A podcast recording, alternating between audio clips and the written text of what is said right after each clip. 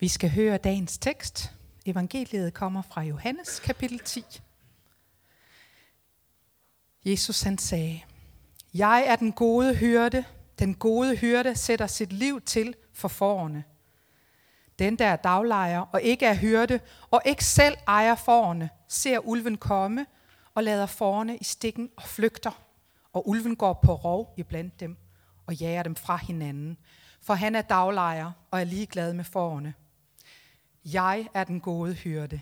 Jeg kender mine får, og mine får kender mig, ligesom faderen kender mig, og jeg kender faderen. Og jeg sætter mit liv til for fårene. Jeg har også andre får, som ikke hører til denne folk. Også dem skal jeg lede, og de skal høre min røst. Og der skal blive én hjort, én hyrde. Amen. Lad os bede.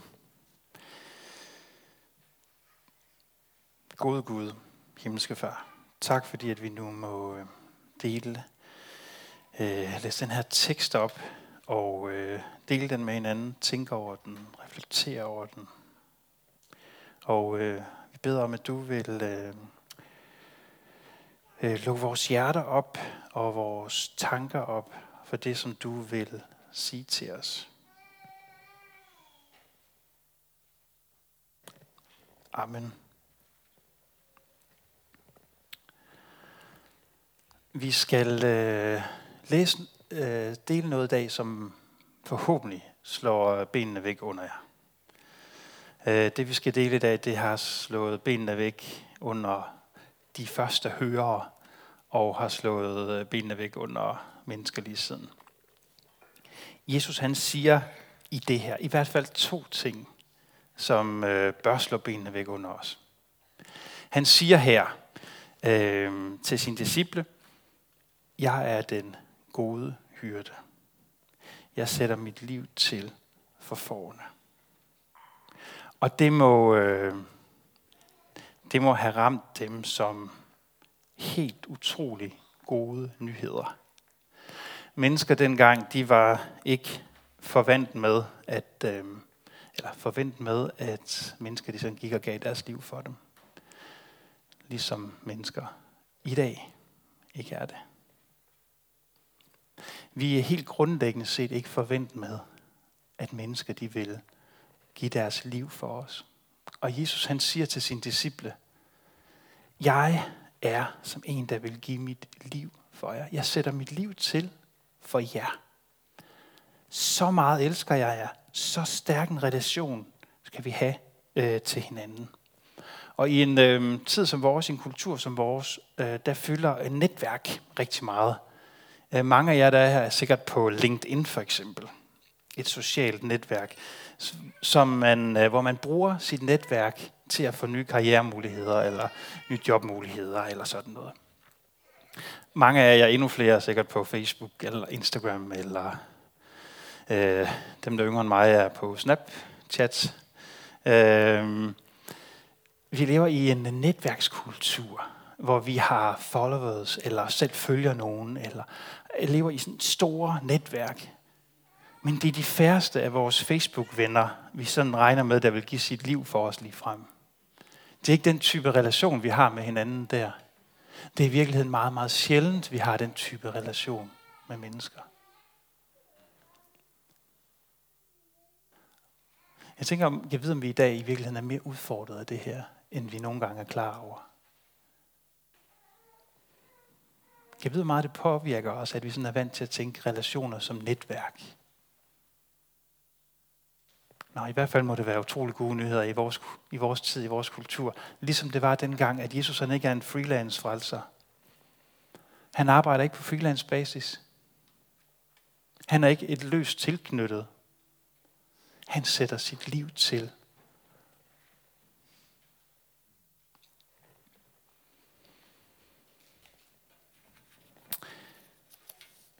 Og det tror jeg har været helt utroligt dejligt for de første disciple at høre. Det næste, Jesus han siger i den her tekst, det tror jeg har været virkelig, virkelig udfordrende for dem at høre. For Jesus han siger, jeg har også andre for uden for den her fold, dem sætter jeg også mit liv til for. De er også mine for. Og jeg tror, det har været virkelig, virkelig udfordrende for disciplerne at høre det. Fordi det her, det har altid har været udfordrende for mennesker at høre. Vi elsker, når vi kan tale i os og dem. Vi elsker, når vi kan lave en indhegning og sige, herinde for de her rammer, der er de rigtige. Og det er selvfølgelig inden for de rammer, vi er jo. Ja, det er altid af en eller anden mærkelig grund.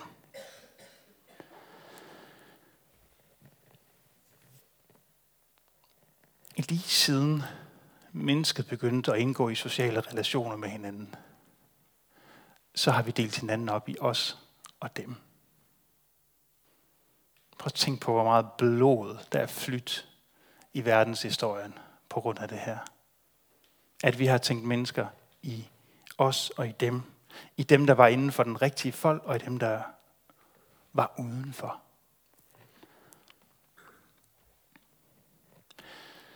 Jeg læste på forsiden af en avis her i sidste uge, at øh, overskriften var, grænsebyggeri sætter ny rekord. Der er aldrig blevet bygget så mange grænser og brugt så mange penge på at bygge grænser i vores verden, som der bliver lige nu. Vi elsker, når vi kan bygge grænser op. Og vi kan sige, vi der er her, vi er de rigtige. Og dem udenfor, det er de forkerte. Og jeg elsker, at Jesus han gør op med det helt fra starten. Jeg elsker, at kristendommen ikke er en sekt, hvor man skal afsondre sig fra verden. Jeg elsker, at der helt fra begyndelsen af, der var kristendommen grænse nedbrydende, grænse overskridende. I vores kultur med alt det, der foregår med grænser og mure og opdelinger af mennesker, der er det her også virkelig, virkelig udfordrende. Men det kan også blive virkelig, virkelig gode nyheder. Og måske har vi i mange år ikke haft så meget brug for at lytte til den her tekst, som vi har lige nu. Brug for at lytte til, at vi ikke skal finde vores tryghed, for vi søger jo alle sammen tryghed i en eller anden grad. Det er jo derfor, vi bygger mure, fordi vi er bange. Hvor de mure end bliver bygget, så bygger vi dem, fordi vi er bange for noget, der er uden for murene. Og Jesus han siger egentlig til os her, I kan have jeres tryghed i hyrden, ikke i murene. Jeg inviterer jer til at leve et liv, siger Jesus, hvor I har jeres grundlæggende tryghed i hyrden, mig, og ikke de grænseskæld, I selv kan sætte op. Hvor fantastisk er det? Og hvilke muligheder giver det ikke? Lad mig fortælle jer om byen Antiochia på Jesu tid i årene derefter. Antiochia, var en by med 500.000 indbyggere cirka. Det var den tredje største by i det romerske imperium. Det var en multietnisk by. Det ved vi godt, hvad det betyder. Der var alle mulige mennesker samlet på samme sted. Alle mulige forskellige livssyn. Grækere, romer, jøder, afrikanere, indere. Byen var bygget af en af Alexander den Stores generaler. Og der var det særlige ved Antiochia, at i byens indretning, der var der bygget 18 forskellige kvarterer. Det var simpelthen bygget ind i dens arkitektur. Den var bygget, selvfølgelig det gjorde man dengang, med en stor mur udenom, så man kunne forhindre angreb udefra. Men den var også bygget med store mure inde, inde i byen. Så den var delt op i 18 forskellige kvarterer. Hvorfor det? Jo, for generaler, de er jo ikke, de er jo sjældent dumme. Generalen, der byggede byen her, han vidste, at mennesker med forskellige livssyn fra forskellige lande, de kommer op og slås. Før eller siden, så eksploderer det. Det gjorde det dengang. Det gør det i dag. Byen her var en krudtønde. Der var stort set ikke den mulighed for konflikt. Man kunne ikke tænke sig den mulighed for konflikt, som ikke var i den by. Og der var også det særlige, at enhver kulturgruppe føle sig de andres overlegen. Er det genkendeligt?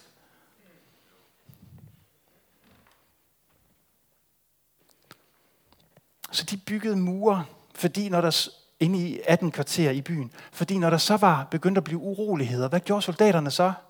De væltede ind i byen, og så smed de bare folk ind i deres kvarter, og så var der ro. Du kommer ind i de jødiske kvarter, du kommer ind til inderne, du kommer ind til afrikanerne, og du øh, hører grækerne, og så ved jeg ikke, om vi havde en samle, samlepulje et eller andet sted. Men det var i hvert fald øh, øh, mekanikken. Uro, ballade, bum, hver til sit. Det er jo ligesom et stort børnehjem.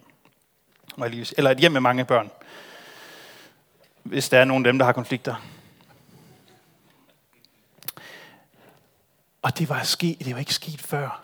Det skete ikke før, at mennesker i byen de overskred de cirkler. Og vi tror, vi kan tale om ghettoer i dag. Vi har ingen idé om, hvad en ghetto det er i virkeligheden. Men se, så skete der noget. For der kom nogle mennesker til den by. Der kom et budskab til den by om Jesus Kristus, som skulle være hele verdens frelser. Som havde sagt om sig selv, hvad? At han ikke hørte til i en bestemt folk. Og de her mennesker, der tog imod det budskab, hvad begyndte de at gøre? De begyndte at overskride de grænser, som var sat op i byens arkitektur. Grækerne gik på besøg hos jøderne, når de skulle holde husgudstjeneste. Når de skulle have deres børn døbt, så gik de ind til afrikanerne og inderne. De kravlede over murene. Og man vidste ikke, hvad man skulle kalde dem. Man havde ikke noget navn for det, der skete her. Så hvad kaldte man dem? Kristne. For første gang i verdenshistorien begyndte man at kalde mennesker kristne i Antiochia. Fordi det var mennesker, der var bestemt af deres tilhørsforhold til ham der Kristus. Før de var jøder, før de var grækere, før de var alt muligt andet, så hørte de til Kristus. Og så begyndte de at kravle over murene i den by. Og man vidste ikke, hvad man skulle gøre andet, end at kalde dem for kristne. En øh, kendt øh, New Yorker præst, han siger, at det her det var ikke bare et resultat af, at evangeliet for, blev forkyndt. Det var sandsynligvis også derfor, at evangeliet overhovedet blev troet. Det at mennesker de overskred de barriere, overskred de grænser, kravlede ind over folden til de andre – var sandsynligvis selve kommunikationen af evangeliet. Først langt senere i det andet århundrede, der begyndte de kristne selv at kalde sig kristne. Indtil da, der blev de kristne kaldt for kristne af dem, der ikke var det.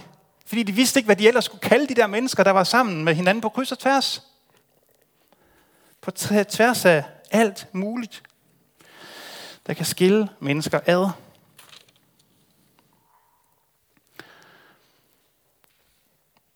Og hold fast, hvor er det her gode nyheder. Det her giver os en invitation til en helt ny måde at være til i verden på. Det her er simpelthen selve grundlaget for at kunne leve åbent, generøst, nysgerrigt, spørgende over for andre. Og er det ikke sådan, vi gerne vil leve? Jeg gætter på, at de fleste gerne vil leve åbent, nysgerrigt, spørgende, generøst.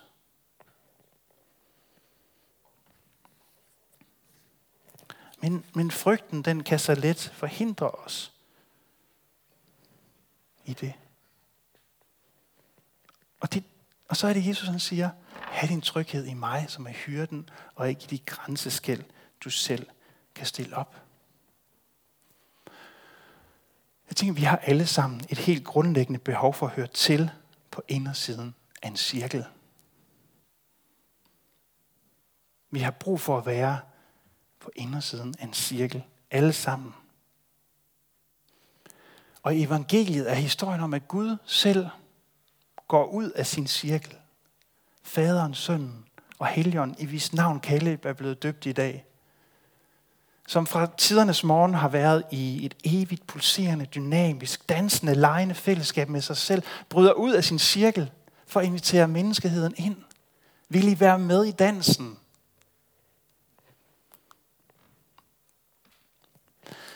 Så Gud selv, universets herre, inviterer dig ind på indersiden af cirklen.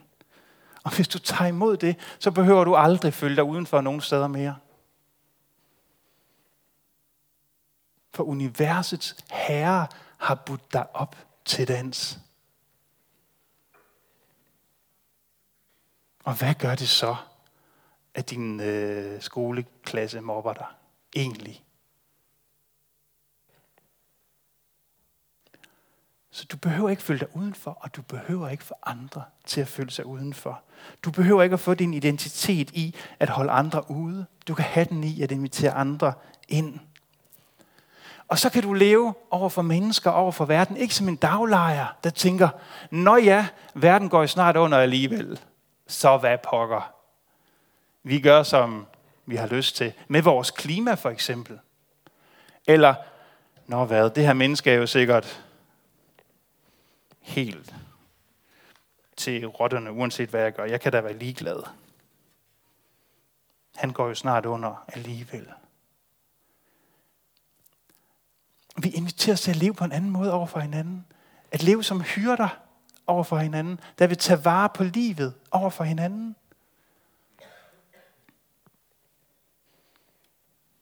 For hvad var det sidste, Jesus han sagde til sine disciple? Noget af det sidste, han sagde til sine disciple, det var, vær hyrde for min får.